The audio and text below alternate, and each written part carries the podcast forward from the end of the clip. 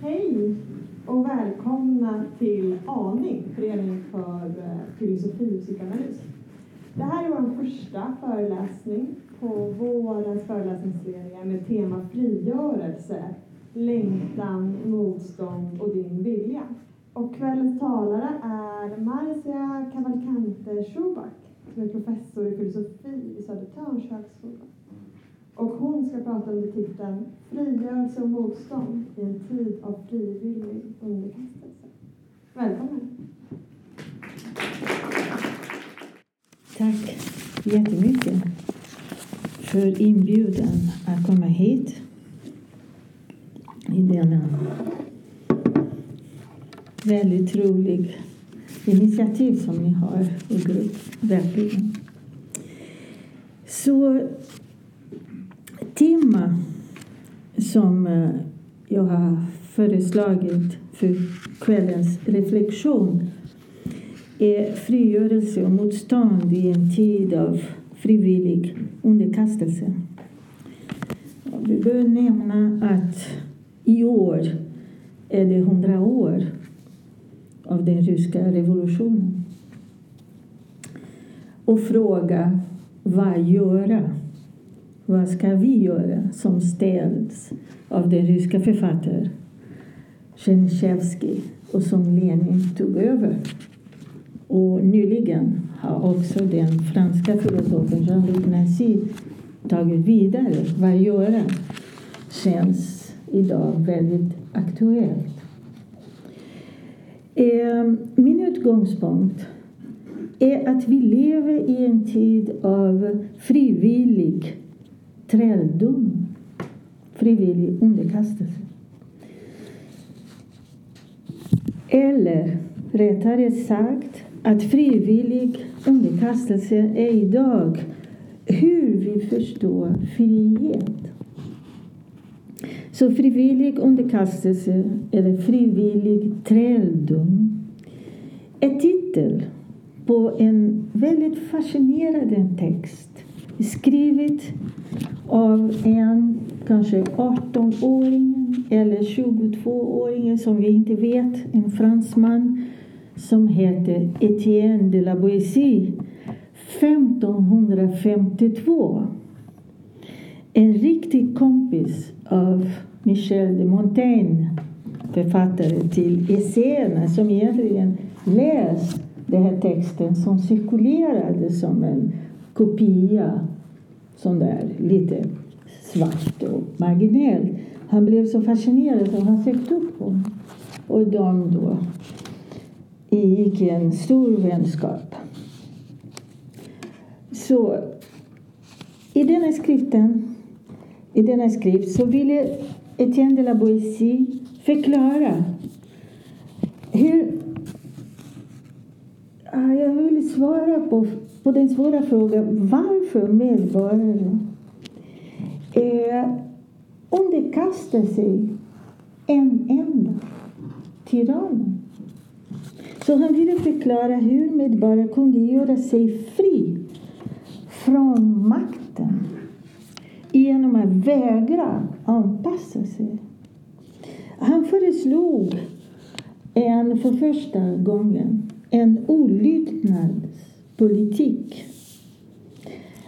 Han var det första att ta upp tema av en civil olydnad som sen David Thoreau tog upp mycket senare. Så det mest intressanta för oss, tycker jag, i denna 1500-talets text är dock inte bara hur den så tidigt förespråkade idéer om en olydnadspolitik. Utan hur han ansåg att det som berövar människans frihet och som gör att människan underkastas makten och därmed eh, och detta av sin egen vilja var fascinationen för det enda för hur makten utövas av en enda. En, det enda. Det är därför boken också har som titel Mot det enda. Mot ett. Detta var La Boétie förklaring på frågan om vilken som tvingar miljoner människor att frivilligt underkastas en tyrann, en makt. Jag tycker denna reflektion visar sig mycket aktuell idag. I vår tid av globalisering, av nyliberalism, av global kapitalism, som är tiden i vilken hela världen, mest olika kulturer, styrs av en enda princip, av ekonomins politik. En värld styrd av ekonomiska intressen, av pengar, av vinst, effektivitet, konsumtion. Så hur är det möjligt att alla anpassar sig en enda princip? Så det var därför jag tänkte på La Boétie som en inspiration för att sätta igång vår diskussion ikväll. La Boéties ger oss en vink åt något väsentligt idag. Hur fascinationen över att hela världen styrs av en enda princip är kanske kraften som eh, gör möjligt att var och en underkastar sig frivilligt till den nya världsordningen. Det får fråga som många ställer. Varför är vi alla medgörliga? Vi kritiserar etablissemang, men vi gör vad som helst för att höra till etablissemang. Vi kritiserar media, men vi anser att kritiken av media måste medialiseras, för annars kommer vi ingen vart. Så i många eh, anser att man måste vara inne i systemet för att kunna vara mot systemet. Ja. Det vill säga, vår erfarenhet är att det finns ingen utväg från systemet. Det finns ingen plats utanför. Ja. Så universitet såsom plats för kritiskt tänkande underkastas företagsmentalitet mer och mer med dess krav på kvantifiering, effektivitet. Så alla mänskliga relationer tvingas in i vinstdrivande relationer. Studenter, patienter, psykologer blir konsumenter. Lärarna och läkarna agerar som företag. Det ekonomiska språket Genomsyra våra privata relationer var och en. Alla talar det här managementspråk och använder det här utan problem. Så vi, på sätt och vis, vi inkorporerar bokstavligt, gör detta till vår egen kropp. Så vi ser överallt hur livet blir siffror. Så vi ser överallt hur systemet, etablissemang absorberar kritiken och motstånden för att öka dess egen makt. Så stöd av en enda princip genom vilken alla relationer reduceras och likställs med ekonomiska relationer så blir den dominanta erfarenheten den att det inte finns en utväg. Så retoriken om världens slut såsom det enda utväg apokalyptiska diskurser växer i olika delar av världen. Fanatismen, olika typer, fundamentalismen, olika typer växer från alla håll. Så i denna, låt oss säga, diagnos över vår tid vad som förvånar är faktiskt medgörlighet. På franska, kollabor, kollaborationism.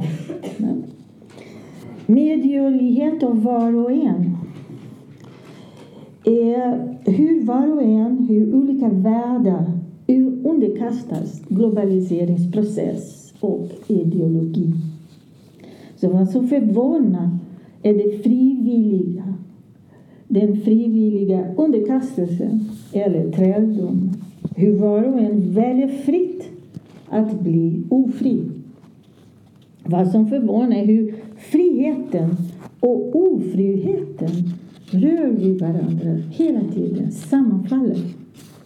Så filosofiskt kan vi säga att vi befinner oss i en tid av meningsförvirring, och förvirring av alla meningar. För att vad som helst kan betyda vad som helst och få vilken mening som helst. Inte minst frihetsbegrepp. Så låt oss reflektera lite över frihetsbegrepp för att börja med. Sedan antiken har filosoferna diskuterat och förstått friheten som icke-slaveriet. Det gamla grekiska ordet för frihet är eleuteria med betydelse av att inte vara slav, inte vara bunden. Bundes, eh, det vill säga inte vara underkastad. Gamla grekerna, romarna till exempel, tyckte dock inte att det, ehm, eh, friheten var egenskapen av en autonom individ. De tyckte inte det var den autonoma individen som var fri. Utan att vara fri betyder att vara medborgare. Att höra till naturligtvis en klass eller en grupp. Men innebörden var att vara fri, att vara medlem i en gemenskap även om de var elitistiskt hierarkiskt. Så detta innebär att för dem var friheten och har friheten definieras först som ett politiskt begrepp. Så var den första filosofiska formuleringen om frihet var som ett politiskt begrepp. Vi kan hävda att de tidigaste filosofiska reflektionen kring frihet hos grekerna förstod frihet som politisk frihet. Och det kan vi hålla med Hanna Arendt att frihetsbegrepp uppstår och växer först ur politiken, den politiska sfären. Med kristendomen uppstod en förståelse av frihet som fri vilja. såsom ett innerligt tillstånd i var och en. Så med kristendomen träder i den västerländska kulturen idé om en innerlig frihet. Man kan säga att kristendomen föder i den antika världen idé om en innerlighet. Ja? Någonting som grekerna hade inte. För grekerna, när vi läser de gamla grekiska texterna, det är väldigt sällan att vi läser jag blir så här. Så Homer säger snarare, istället för att säga jag har druckit det gudomliga honung.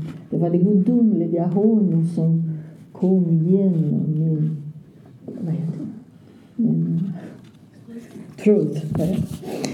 Så eh, jaget för grekerna var jag vi.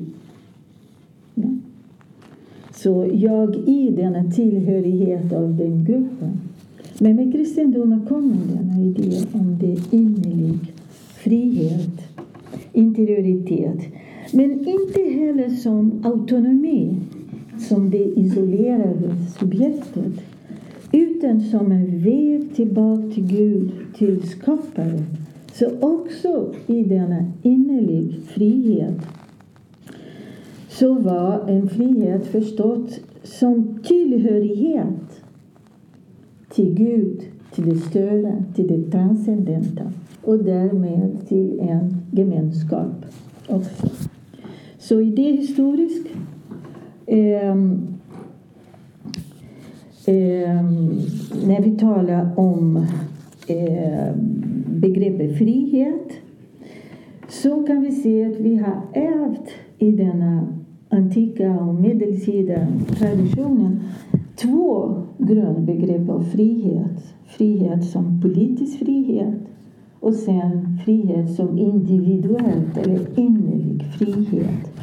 Det vill säga en yttre frihet en inre frihet. Eller en yttre, utriktade frihet och inriktade frihet.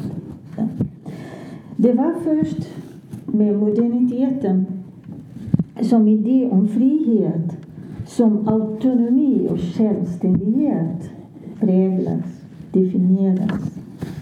Därför där kommer idén att var och en kan bara vara fri när var och en blir oberoende av traditionen och auktoriteten.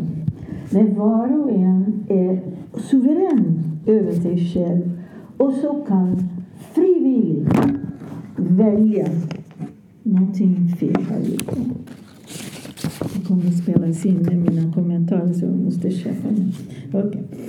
Ehm, så var och en kan frivilligt välja att ingå i en politiskt kontrakt. Det vill säga, jag håller mina skyldigheter till staten.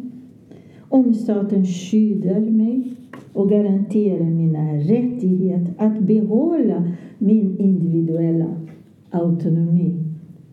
Så friheten definieras modern som fri vilja och framförallt fri val. Frihet att välja själv utifrån din egna vilja. Så sådana slogans, typ jag klarar mig själv, var och en för sig och staten eller Gud för alla, kan bara uttalas under moderna premisser. Så om vi förstår moderniteten helt enkelt utifrån impakten av de moderna naturvetenskaperna och teknologi som möjliggjorde utveckling av olika eh, härskande och kontrolltekniker som gjorde möjligt kolonisering av andra världar, andra folk och internalisering av självkontrollmekanismer.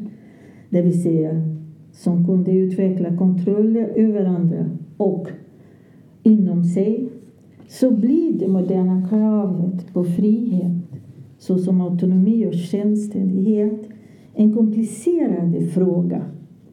Till moderniteten är tiden av både despotismen och revolution. Av olika former av tyrannier och också upptäckt av olika former av sociala motstånd. Revolutionen är i vilket fall ett modernt begrepp och erfarenheten som utgår ifrån en förvandling av frihetserfarenhet. Till här blir det avgörande att förstå frihet inte som ett tillstånd som det var hos antikerna. Vi är fria, vi hör till denna klass av medborgare. De fria människan, till skillnad från de förslavade och underkastade nej, som var i antiken, det är inget tillstånd. Utan i moderniteten så blir frihet förstått som en process. Det är det som idén om revolution tillför till begreppet. Frihet förstås då mer och mer som frigörelse. Frihet då definieras modern mer och mer, om vi tänker mer än den största kanske moderna tänkare av frihet som är Immanuel Kant. Ja? Frihet betyder först som process och inte som tillstånd att göra sig fri från slaveriet, från kroppen, från instinkter, från impulser, från olika former av tyrannier. Det vill säga vara fri från definiera frihet som en negation. Jag är fri för jag är inte bunden och så vidare. Som förmåga också att säga nej. Att uttala nej, det vildaste bland alla ord, för att citera den amerikanska poeten Emily Dickinson. Ja? Men i denna moderna insikten om frihet blev det också tydligt att denna negativa frihet är inte hela friheten. Därför friheten är inte bara att göra sig fri från, utan även att göra sig fri till eller för någonting. Det vill säga, under modernitet så har vi definierat en frihet som både en negativ frihet, fri från, och en positiv frihet, frihet för eller till.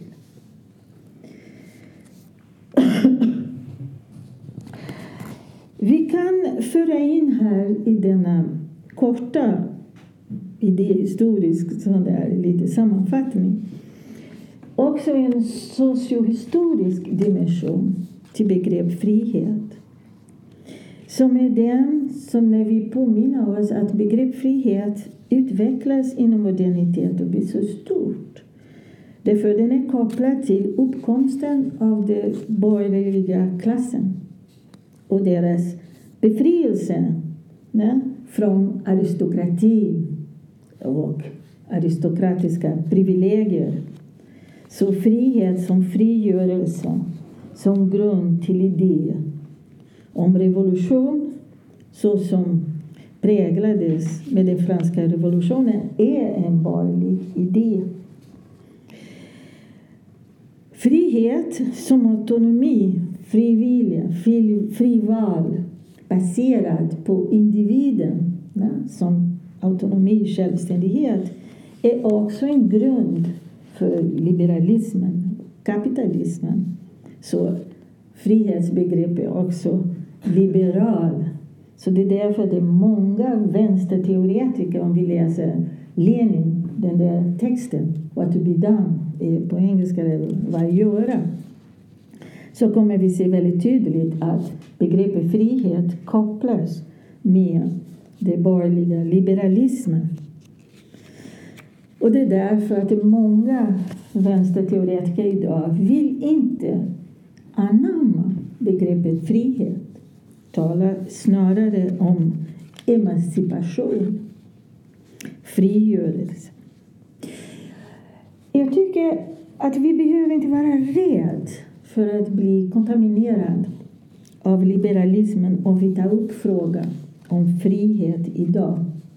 Eller med andra ord, jag tycker det är dags att just idag befria teoretiskt och erfarenhetsmässigt frihetsbegrepp från den moderna liberala innebörden. Kanske skulle vi kunna säga att vi behöver, vi står i ett moment av historien där, vi, det friheten måste frigöras av frihet. Frihet måste bli fri av sig själv, om man säger så. Ett steg mot en fri förståelse av frihet, mot en icke-liberal idé om frihet, är att eh, medge att frihet är ingenting, ingen verklighet, ingen var, ingen vara. Utan att frihet är vad som måste skapas. Och han har en förstod frihet som förmåga att börja någonting. Hon använder, hon är väldigt kritisk av den moderna idén om revolution. Men det kan man kritisera henne också väldigt starkt. Men en förmåga att initiera, förmåga att börja. Så detta skulle vara sån där, en början för att tänka om begrepp frihet. Som börjandes kraft. Och eh, man kan säga att eh, detta är redan någonting som finns hos Kant som hade en väldigt komplex förståelse av frihet. För han såg att friheten definierar människan. Men människan kan inte, förmår inte definiera frihet. För frihet är odefinierbar i bemärkelse att den är aldrig, eh, kan man säga, man kan aldrig rama in friheten i en fast definition, i en definitiv innebörd. Så det finns en paradox där. Frihet definierar oss på samma gång som vi inte kan definiera den. Så frihet existerar inte som en verklighet kan man säga. Men som en kraft för att sätta i praxis. Det vill säga för att sätta frihetens kraft i verkligheten. Frihet är ingen verklighet, men det är kraft för att sätta igång en dynamik av e transformation i verkligheten. Frihet kan därför inte förnekas som en utmaning, som en kraft som driver människor att existera och samexistera. Ett annat steg i en, låt oss säga, icke-liberal förståelse av, av eh, frihet är att medge att frihet är på samma gång individuell och social. Det är inte antingen individuell, innerlig eller social ytter. Ja.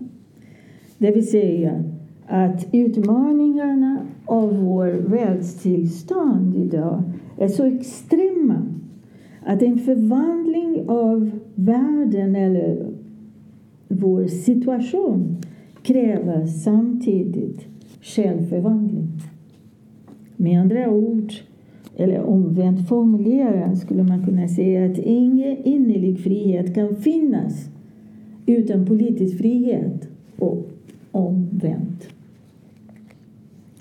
Utan en praxis av hur frihet och samvaro hänger ihop. Men som en praxis. Nej? Och inte som ett tillstånd.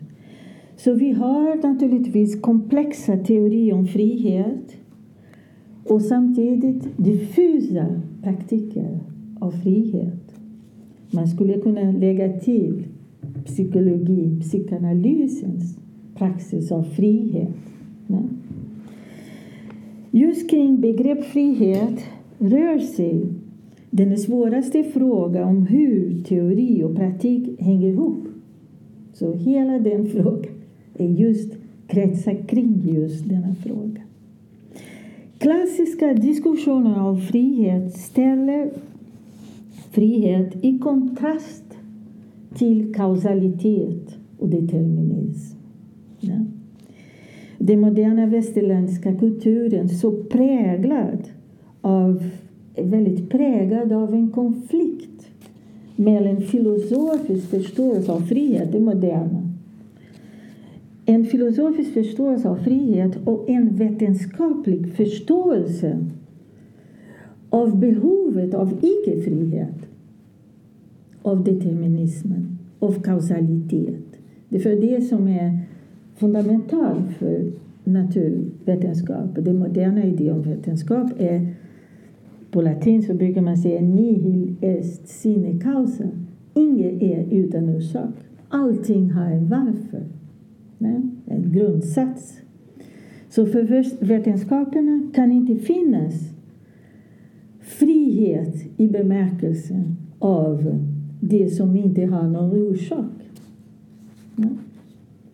Och frihet filosofiskt har tänkts till och med av en väldigt hur kan man säga, analytisk epistemologer, teoretiker som Kant, som just det som inte har en orsak, men som däremot är orsak till det vi gör.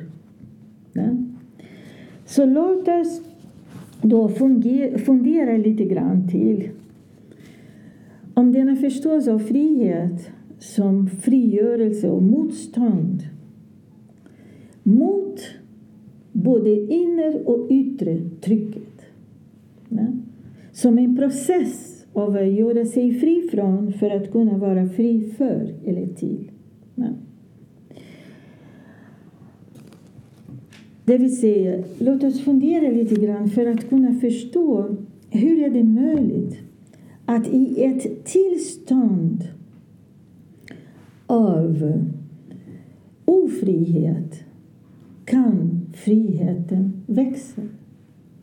Eller också hur i ett tillstånd av frihet växer ofriheten.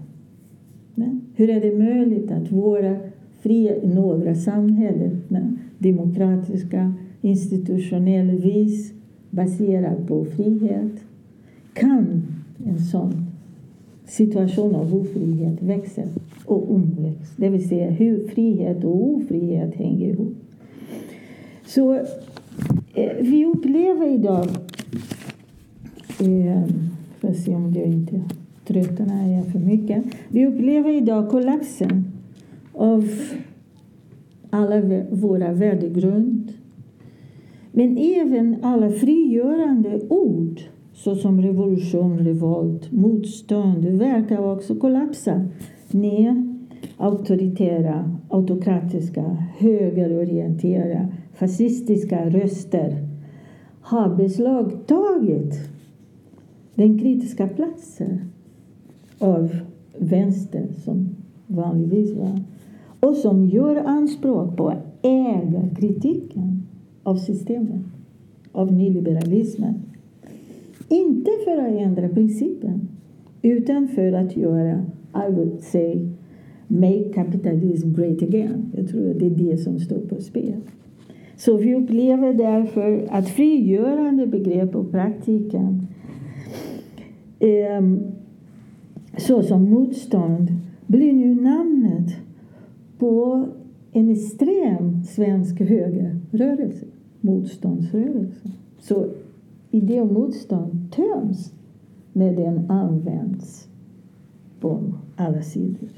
Motståndet har varit från början ett koncept för att definiera materia. Det är så här också som Leibniz definierar ondskan. Det som gör motstånd för att bli påverkad. Den kommer från fysik först och sen övertas använd i politiken. Och man använder först som ett koncept för man gör motstånd mot yttre trycket. Sen mot innerligt trycket i systemet. Man gör motstånd mot det egna suveräna. Den använde under andra världskriget, som ni vet väl, resistans, motståndrörelse, som var motstånd mot både inre och yttre förtryck på samma gång. Därför under andra världskriget så har vi upplevt en situation av belägring. Alltså belägring i Leningrad är som en nästan som en sån där hemska, förfärliga bild av den situation av eh, ofrihet eller tyranni, inre och yttre, på samma gång. Så motstånd, förstått eh, på det mer revolutionära sätt som kraft att säga nej och ja på samma gång. Nej till förtryck, och ja till villkoren för att kunna leva, inte bara som fri, utan för att kunna leva så som den som ska ständigt utöva friheten, praktisera friheten. Så att kunna vara fri för till friheten. Ja. Men jag tycker att i alla dessa frågor behöver vi inte glömma en annan stor fråga som är relationen mellan frihet och rättvisa. Rättvisa är en liten fågel, kanske kan man säga, i vår hand som måste omhändertas för att det går så lätt till orättvisa. Det är så lätt att klämma den lilla fågeln. Så vi ser orättvisan växa överallt. Vi ser segregationen, exkluderande mekanismen, global kontroll som ständigt internaliseras frivilligt genom de nya it-teknologierna och samtidigt som vi ser nya former av protester också växa inom dessa medel.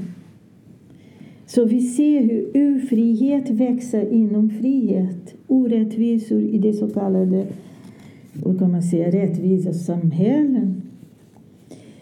Allt detta kräver mer av oss än bara ständiga nya reflektioner och tankeverksamhet.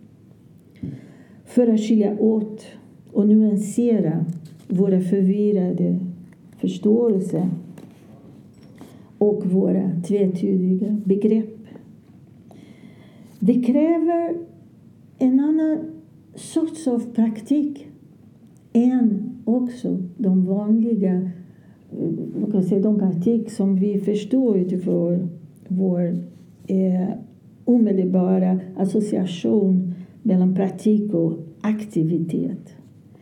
Därför jag tycker att all detta, dessa utmaningar kräver av oss en frigörande sensibilitet, en förvandling av vår sensibilitet. Under en lång period har frågan om frihet varit alltid kopplad till hur vi använder och brukar vår förnuft. Det vill säga kopplat till sökandet av ett rationellt, av förnuft styrd syn på livet som kan kontrollera de våldsamma instinkter, aggressiva och så vidare. Både individuellt och socialt plan. Men de paradoxer som präglar vår värld idag kräver av oss, tycker jag, ännu mera. Den kräver en förvandling av vår sensibilitet. Det kräver en aktiv utövning, övning av vår uppmärksamhet. Så det kräver mera än bara den formella idén om ansvar. Vi ska ta vårt ansvar. Men det kräver uppmärksamhet och förmåga att kunna läsa mellan raderna. Så vi aldrig någonsin har haft ett så stort behov av att lära att läsa. Läsa mellan raderna. Och bebo mellanrummet, det vill säga rummet mellan det bekanta och det främmande, det förmedlade och det oförmedlade, mellan dåtid och framtid, utan att falla tillbaka till utopiska nostalgier och nostalgiska utopier. Det vill säga uppmärksamhet som motstånd läsandet av mellanrum, som, mellan raderna förlåt, som motstånd. Bebo i mellanrummet som motstånd. En sinne, en sensibilitet som förmår skilja åt de subtila differenserna. Det vill säga som kan skilja åt den eh, avgrundliga skillnad mellan idé om det kontinuella förvandling, förvandlande av allt för upplevelser här och nu skiljer detta, som är de kapitalistiska måttor av produktivitet, skiljer detta från förmåga att kunna vara närvarande för vår nuvaro. Så utövande av vad jag skulle kalla för negativa förmågor. Som är förmåga att säga nej. Och negativa förmågor som är kopplade till vår kapacitet att stå i det osäkra utan att söka nya figurer, nya identiteter. nya starka visibiliteten.